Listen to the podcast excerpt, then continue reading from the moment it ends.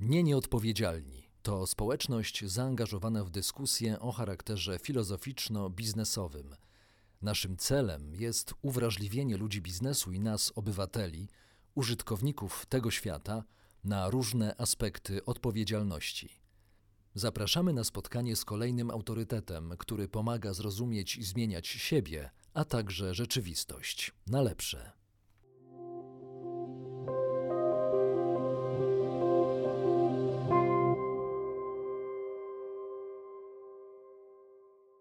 Dzisiaj do rozmowy o społecznej odpowiedzialności firm zaprosiłem e, pana profesora Bolesława Roka, który jest profesorem zarządzania w Akademii Leona Koźmińskiego w Warszawie i specjalistą od społecznego oddziaływania firm właśnie. E, I pan profesor chyba jest e, najbardziej doświadczonym autorytetem, człowiekiem z największą wiedzą dotyczącą oddziaływania biznesu na swoje otoczenie. Dlatego tym bardziej jest mi miło przywitać mojego gościa i podziękować za to, że pan profesor przyjął zaproszenie, jest z nami. Dzień dobry. Dzień dobry. Zacznijmy od tego, jak wygląda społeczna odpowiedzialność firm obecnie w czasach pandemii koronawirusa. No ona chyba wygląda, myślę, że podobnie jak zawsze, tyle że o niej teraz więcej słyszymy. Y, ponieważ rzeczywiście jest tak, że oczekujemy od biznesu nagle czegoś, czego wcześniej nie oczekiwaliśmy.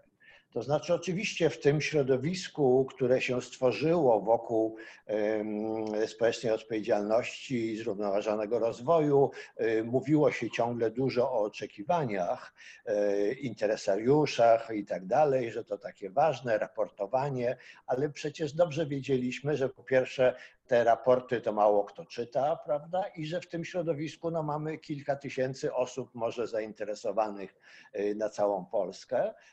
W związku z tym ukazywały się teksty tylko sponsorowane. Natomiast teraz y, jest tak, że y, te oczekiwania gwałtownie wzrosły. I okazało się, że biznes zawsze to robił, zawsze wspierał na tyle, na ile potrafi, na tyle, ile może. I myślę, że w miarę dojrzewania także rynku, można powiedzieć, bogacenia się pewnie przedsiębiorców, to zarówno na poziomie małych przedsiębiorstw, całkiem lokalnych, pojedynczych osób, jak i dużych korporacji ponadnarodowych, nagle te wszystkie takie, można powiedzieć, odruchy serca pojawiły się jako coś naturalnego ale wydaje mi się, że one bardzo często istniały, tylko no właśnie nie za bardzo o tym mówiliśmy, ponieważ wydawało się, przynajmniej w przestrzeni publicznej, bo wydawało się, że to jest, no mówiąc kolokwialnie, jakaś ściema, prawda? I to jednak tak traktowano. Chciałbym zapytać o to, czy w tej przestrzeni oddziaływania społecznego firm pojawiły się jednak jakieś takie wyróżniające inicjatywy właśnie teraz w trakcie trwania koronawirusa, skoro już dowiedzieliśmy się, że e, de facto firmy e, zawsze interesowały się tym obszarem i, i, wchodziły, przynajmniej te, które chciały oczywiście w ten sposób zaistnieć, zawsze wchodziły w relacje ze swoimi interesariuszami. Czy jednak e, coś zwróciło Twoją uwagę, o czym warto byłoby wspomnieć? Znaczy ja myślę, że to przede wszystkim ja bym to chyba podzielił na takie dwa obszary, to takie bardziej przejaw myślenia takiego długofalowego oraz takie działanie y, bezpośrednie zwykle lokalne. Te działania bezpośrednie, no to takie, które właśnie się pojawiają w sytuacji zagrożenia. Y, co możemy zrobić? No widzimy, prawda, potrzeba y, czegoś, no to jesteśmy w stanie nagle uruchomić jakieś zasoby.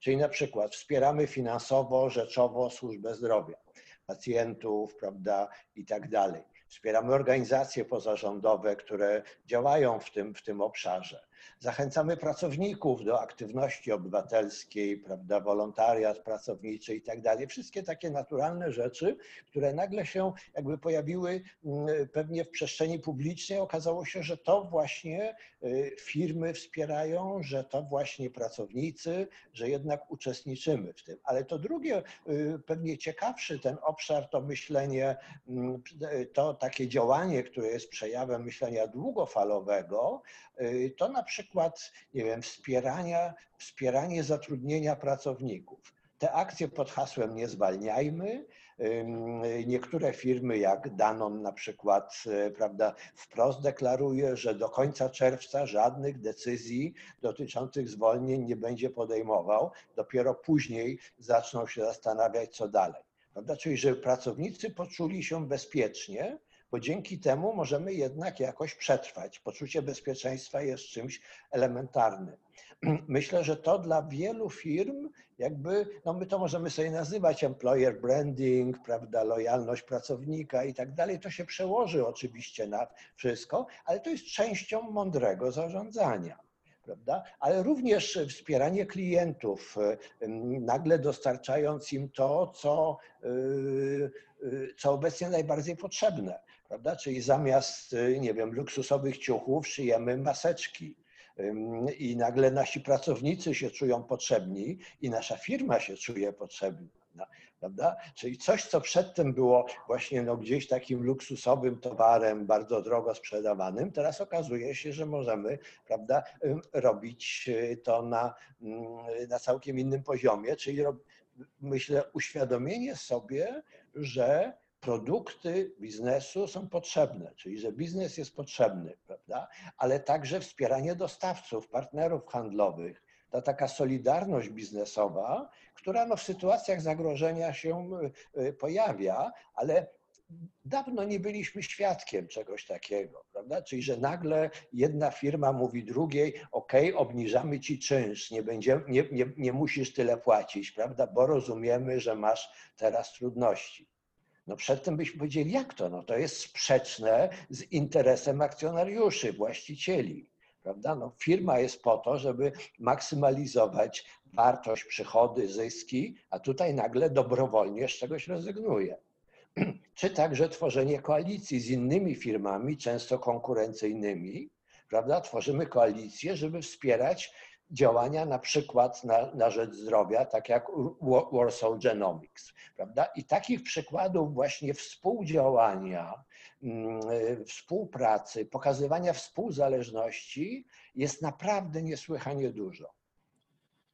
Jak to jest, e, że obserwując e, tę falę empatii, która wychodzi ze środowiska biznesowego po to, żeby wspomagać społeczeństwo w bardzo trudnej sytuacji, w sytuacji kryzysu koronawirusa, biznes tak naprawdę wręcza państwo w jego działaniach. E, jak mi się wydaje. A słyszymy z drugiej strony, że państwo chce ratować biznes e, stosując tarczę antykryzysową. Jak w tym wszystkim się połapać? Kto kogo ratuje i kto kogo powinien ratować z tego, co teraz doświadczamy wszyscy? Powiedział, ratuj się sam, e, zamiast ufać komuś innemu, bo to jest no niestety dosyć typowa postawa nieufności wśród przedstawicieli biznesu, którzy wiedzą, że państwo ich nie uratuje. Prawda? Czyli państwo udaje, że chce ratować firmy, a firmy trochę udają, że chcą ratować państwo. Więc ja bym e, raczej patrzył na to sceptycznie, że myślenia o państwie nie ma za dużo w biznesie, prawda? To jest bardziej myślenie o tym, o tym naszym ekosystemie, w którym jesteśmy. Prawda? My chcemy wspierać, ratować ludzi, pracowników, dostawców, prawda? lekarzy, mm, całą służbę zdrowia, no bo to jednak oni dbają o nasze zdrowie. Prawda? Y, zwracamy się ku tym wszystkim służbom niedoinwestowanym od lat, prawda? No ale o tym wszyscy wiemy. Edukacja, służba zdrowia, transport, handel, nagle się okazuje, że to są najważniejsze zawody prawda, że mm, możemy się oczywiście wtedy dopiero przekonać, prawda, w jaki sposób nauczyciel uczy nasze dzieci na przykład. Wcześniej nie mieliśmy czasu się tym zająć, prawda, no więc zaczynamy dostrzegać, że może to, że nauczyciele są, cała edukacja jest tak nie, niedofinansowana, no to jednak coś należy z tym zrobić. I myślę, że to jest podobnie jak pewnie 100 lat temu w USA, y, kiedy taka mm, podstawowa odpowiedzialność korporacyjna się rodziła, prawda? Bo tam zawsze państwa było mało I w związku z tym firmy w naturalnej takiej poczuciu obywatelstwa korporacyjnego, często lokalnego, widziały, że muszą wspierać szkołę, muszą wspierać szpital. W związku z tym na wszystkich szkołach, uczelniach, szpitalach, przedszkolach dotąd są w Stanach te tabliczki, prawda, wspierana przez taką i taką firmę. Polsce się dopiero tego uczymy, ponieważ no, nie chcieliśmy przyznać, że państwo abdykowało trochę. No, to jest nasz y, też taki skrajny neoliberalizm, gdzie zawsze mówiliśmy w Polsce w wielu dyskusjach, to ciągle słyszałem od wybitnych autorytetów y, ekonomii i gospodarki, że najlepsza polityka gospodarcza rządu to, y, to brak polityki. Prawda? Czyli nie, nie przeszkadzajcie. No więc teraz mamy tego efekty. A gdybyśmy przeanalizowali filantropię marek takich, które no, załóżmy e, zrywają kontrakty z firmami odzieżowymi e, na zachodzie, z fabrykami odzieżowymi na, przepraszam, na Dalekim Wschodzie, nie na zachodzie.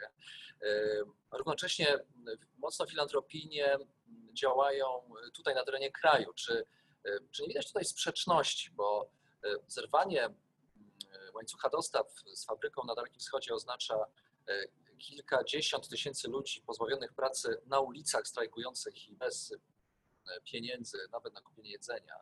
E, chociaż oczywiście ta firma tutaj może zrobić coś dobrego dla służby zdrowia, dla, dla obywateli, szyjąc maseczki, czy produkując maseczki tutaj na miejscu w Polsce. Jak to pogodzić? Czy to się da pogodzić? W ogóle my powinniśmy stawiać taki dylemat? Znaczy, ja myślę, że to jest bardzo trudne, ponieważ e, chyba nie uświadamiamy sobie do końca, jak bardzo sypie się cały system. I że to jest trochę to, co powiedziałem na początku, ratuj się sam, czyli każdy ratuje się jak może.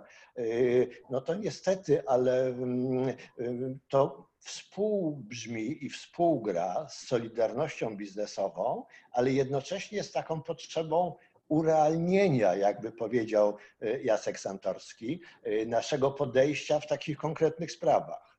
No, że rzeczywiście możemy przejawiać solidarność, możemy mówić o tym, że coś będziemy wspierać i tak dalej, ale w momencie, kiedy nagle nasza olbrzymia firma, prawda, wali się, wszystko, co zbudowaliśmy przez całe życie, no to wtedy właściwie jakby podejmujemy najbardziej takie najtrudniejsze decyzje.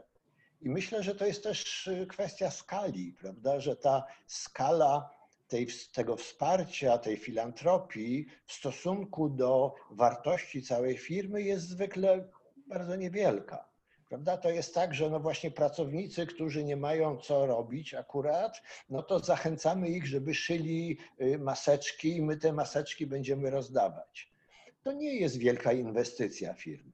Prawda? Czy przekażemy gdzieś właśnie y, trochę mm, jakichś środków prawda, na wyprodukowanie czegoś, co jest y, potrzebne. Prawda? To, nie są, to nie jest duża skala. Na to możemy sobie pozwolić ale w momencie, kiedy widzimy, że mm, magazyny mamy pełne i żadna kolekcja się nam nie sprzeda już, no to nie będziemy zamawiać kolejnej, prawda? Ponieważ nie mamy gdzie nawet tego pomieścić, prawda? A te sklepy będą miały sprzedaż przez długie miesiące znacznie niższą niż planowaliśmy wcześniej.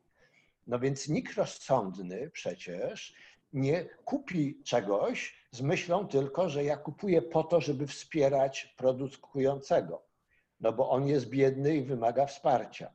Tak biznes nie działa i myślę, że to jest chyba oczywiste. Ta doraźność pomocy, trzymając się wciąż tego przykładu, jest akceptowana, oczywista. Myślałem o tym teraz, czy ta doraźność właśnie nie powinna się przerodzić w przyszłości w działanie już takie bardziej długofalowe, ty zresztą o tym wspominałeś, e, o tych dwóch odnogach e, obecnego zachowania biznesu, czy działamy doraźnie, a potem myślimy sobie o rozwiązaniach na przyszłość. Teraz ta doraźna pomoc, e, jeśli nie przerodzi się w inne ułożenie łańcuchów dostaw z Dalekim Wschodem, chyba ja będę uznawał za straconą dużą szansę dla, dla biznesu, żeby inaczej ułożyć swoje oddziaływanie społeczne. No tak, znaczy to, to jest to pytanie, które no mógłbym powiedzieć trochę tak, czy czy firmy, które teraz najaktywniej włączają się w takie różnorodne formy wspierania społeczeństwa, partnerów biznesowej, łatwiej będą odbudowywać swoją pozycję na rynku w przyszłości? Czy to jest coś, co rzeczywiście czegoś się nauczą? Ja jestem przekonany, że to y, jest y, no w ogóle tak jak y, większość osób uważa, że zawsze każdy kryzys jest jednak pewną lekcją, z której wychodzimy bogatsi, uczymy się. I myślę, że to, co choćby wczoraj słyszałem na przykład taki nowy termin o tym, jak zarządzamy lękiem konsumenta. I że to jest na przykład w przypadku sieci handlowych, zarządzanie lękiem konsumenta jest w tej chwili częścią zarządzania ryzykiem prawda? i działalności operacyjnej. Wcześniej jakby o tym nie mówiliśmy, prawda? Y, widzimy, jak bardzo zaczyna być doceniana wiedza fachowa, wiedza naukowa, czyli nagle zaczynamy słuchać naukowców, prawda? Co ani biznes, ani politycy nigdy nie słuchali. Prawda? Wydawało się, że to jakby szczególnie klimatologów, prawda, na przykład, no to tam opowiadają bajki. No o pandemii też wszyscy, nie wszyscy, no ale w każdym razie środowiska naukowe ostrzegały. W różnych firmach też dużych istniały jednak przecież te komórki zarządzania ryzykiem, które ciągle mówiły, że jak istotne jest, żebyśmy się przygotowali na najgorsze. Jakaś broń biologiczna, jakiś bioterroryzm, różne takie rzeczy. I zawsze zarząd mówił: OK, ale to się nie zdarzy, obcinamy wam budżet. Prawda? I teraz nagle się okazuje, że te działy zarządzania ryzykiem mają jednak sens. Prawda? I że to myślę, jest duża lekcja dla biznesu, prawda? Że to jest, mm, jest jakby uczymy się tego, że y, w dodatku takie wielkie, radykalne zmiany y, są możliwe i wewnątrz, i na zewnątrz. Czyli coś, co się przyzwyczailiśmy, aha, no nic wielkiego się nie stanie.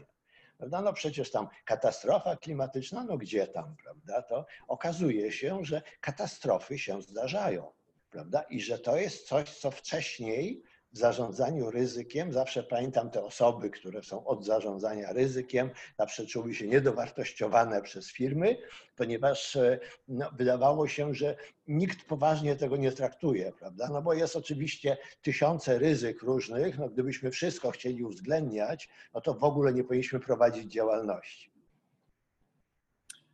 Muszę powiedzieć, że my e, tutaj w, w naszym projekcie mediowym z dużą przyjemnością, ale też przede wszystkim z uważnością słuchamy wszystkich naukowców, którzy się tutaj pojawiają i też ja w połowie naszego spotkania po raz kolejny dziękuję za to, że, że profesorze jesteś z nami i e, tłumaczysz nam, e, jak teraz biznes reaguje na nową sytuację w przestrzeni społecznej.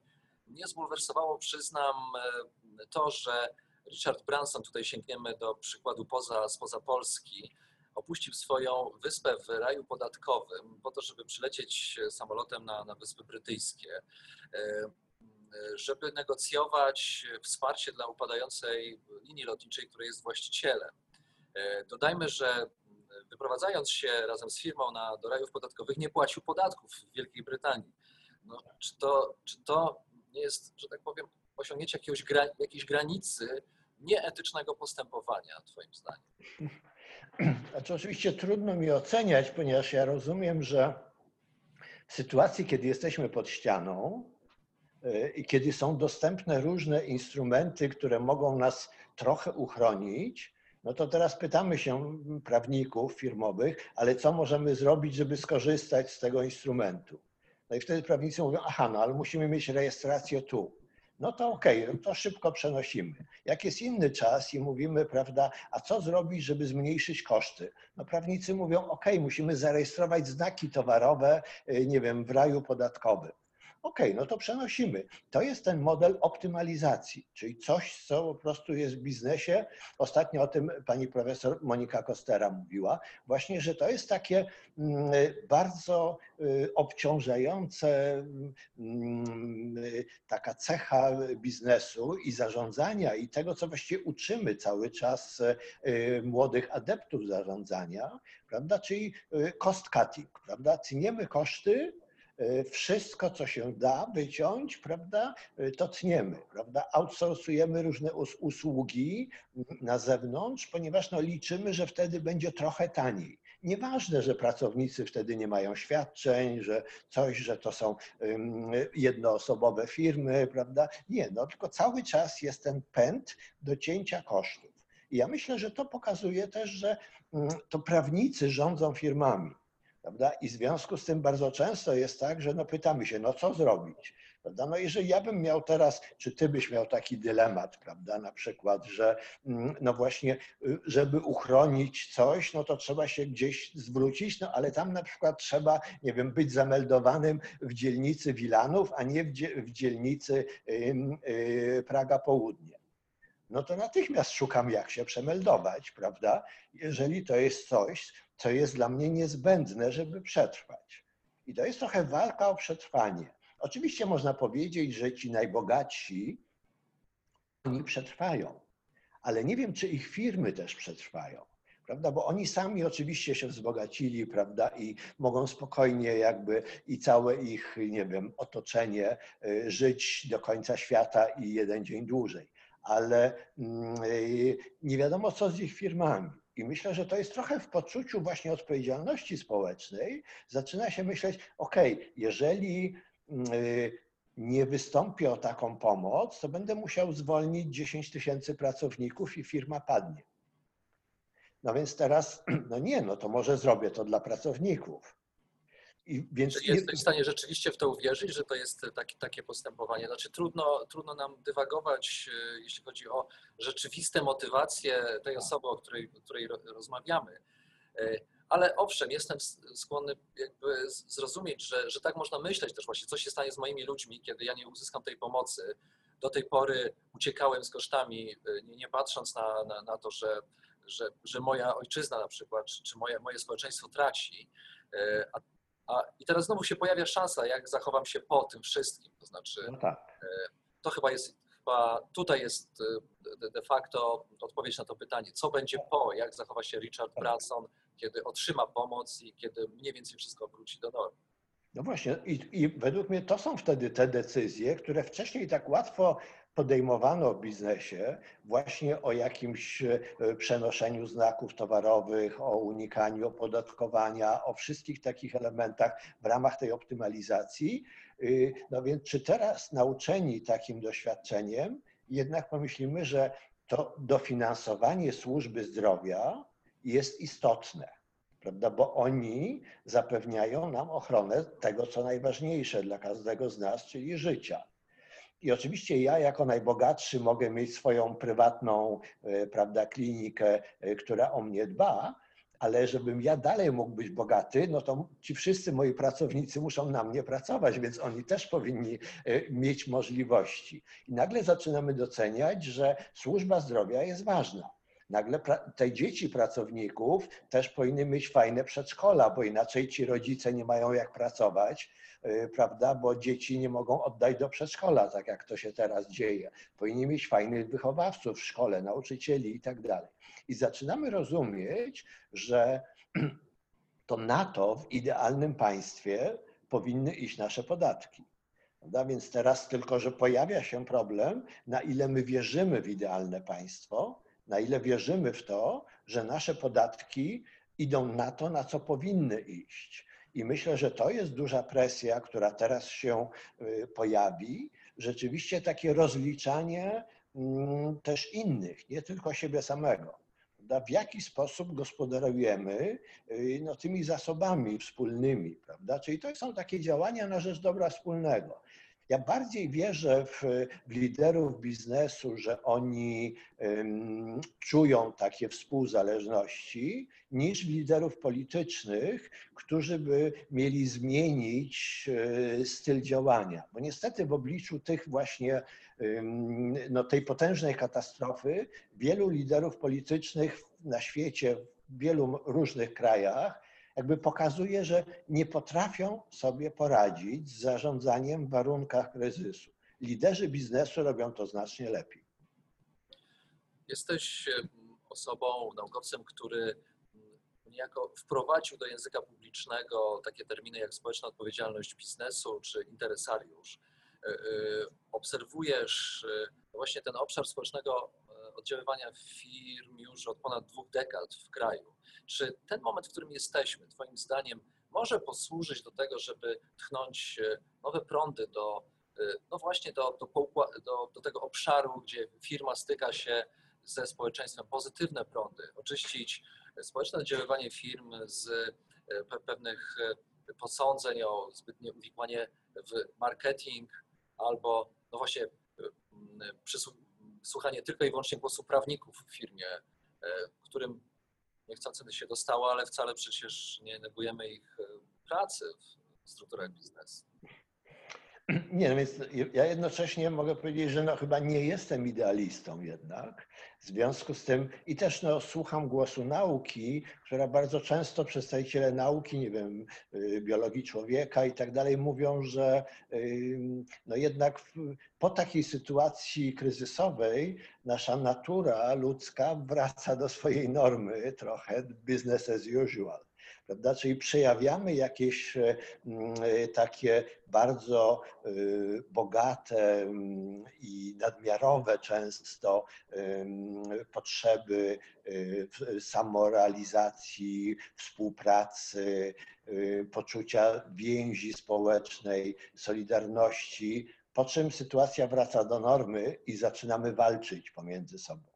I to jest tak, że oczywiście bardzo często jest jakby ta konkurencyjność i kooperacja, współpraca powinny y, ze sobą y, no, jakoś iść w parze. To w nauce się mówi o kooperencji na przykład. To ostatnio Dominika Bettman y, Siemensa, Siemensa, prezeska Forum Odpowiedzialnego Biznesu, mówiła właśnie o tym, jak jesteśmy w stanie zrozumieć coraz lepiej, że wszyscy jesteśmy odpowiedzialni za siebie nawzajem w różnych konstelacjach, tak jak w takiej sieci, w której jesteśmy. I ja myślę, że to jest taki proces stopniowego dojrzewania. I trochę to tak, jak dziecko też przechodzi takie etapy, i w którymś momencie, jak już włoży ten palec w ogień, prawda, to nauczyło się czegoś. Prawda? I to jest tak, że no, kryzysy nas uczą. Ja myślę, że ta nasza kadra menedżerska w wielu firmach została tak mocno dotknięta tym, co było tak niemożliwe, yy, że teraz y, jest w stanie wyciągnąć z tego wnioski. W tym sensie jestem y, pewnie idealistą, ale nie wierzę, że te wnioski będą takie, że nagle zmieniamy jakby w ogóle sposób działania. Nie, my zaczynamy dostrzegać pewne rzeczy, właśnie tę współzależność na przykład że to są bardzo istotne elementy, prawda? Ten efekt motyla, gdzieś właśnie różne takie rzeczy, że coś w jednym końcu mm, świata powoduje zmianę w całkiem innym, prawda? Ta współzależność jest y, czymś nowym dla biznesu. Czyli zmiana nastąpi zawsze wtedy, kiedy rzeczywiście będziemy chcieć tej zmiany. Teraz e, na koniec wykorzystam Twoją obecność z nami i zadam pytanie e, pochodzące ze zbioru tych ulubionych pytań, czyli jak długo będzie trwał kryzys? No ja mógłbym powiedzieć, szanowni państwo, skończył się kryzys. Możemy wziąć życie e, w swoje ręce. Ale niestety,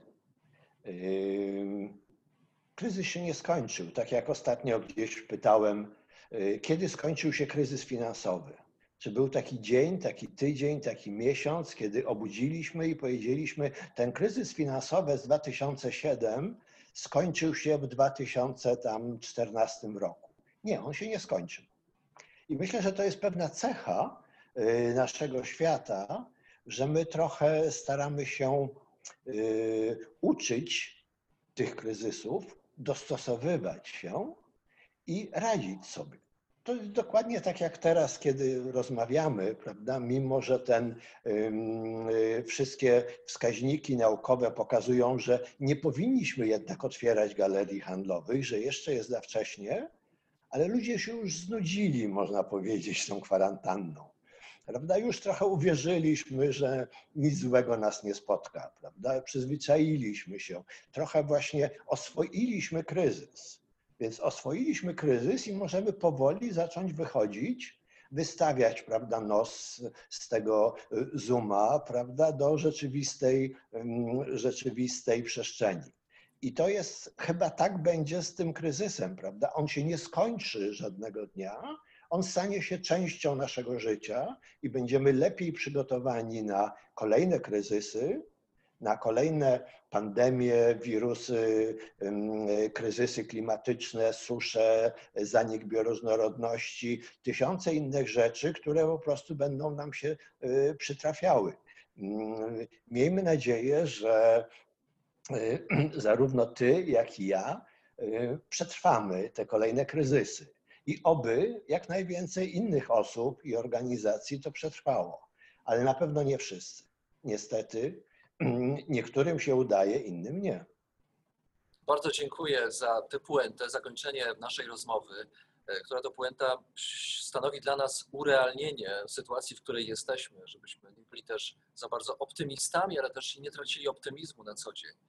E, Państwu przypomnę, że moim gościem był profesor Bolesław Rok, em, profesor zarządzania w Akademii Leona Koźmickiego w Warszawie. Panie profesorze, bardzo dziękuję za wspólnie spędzony czas.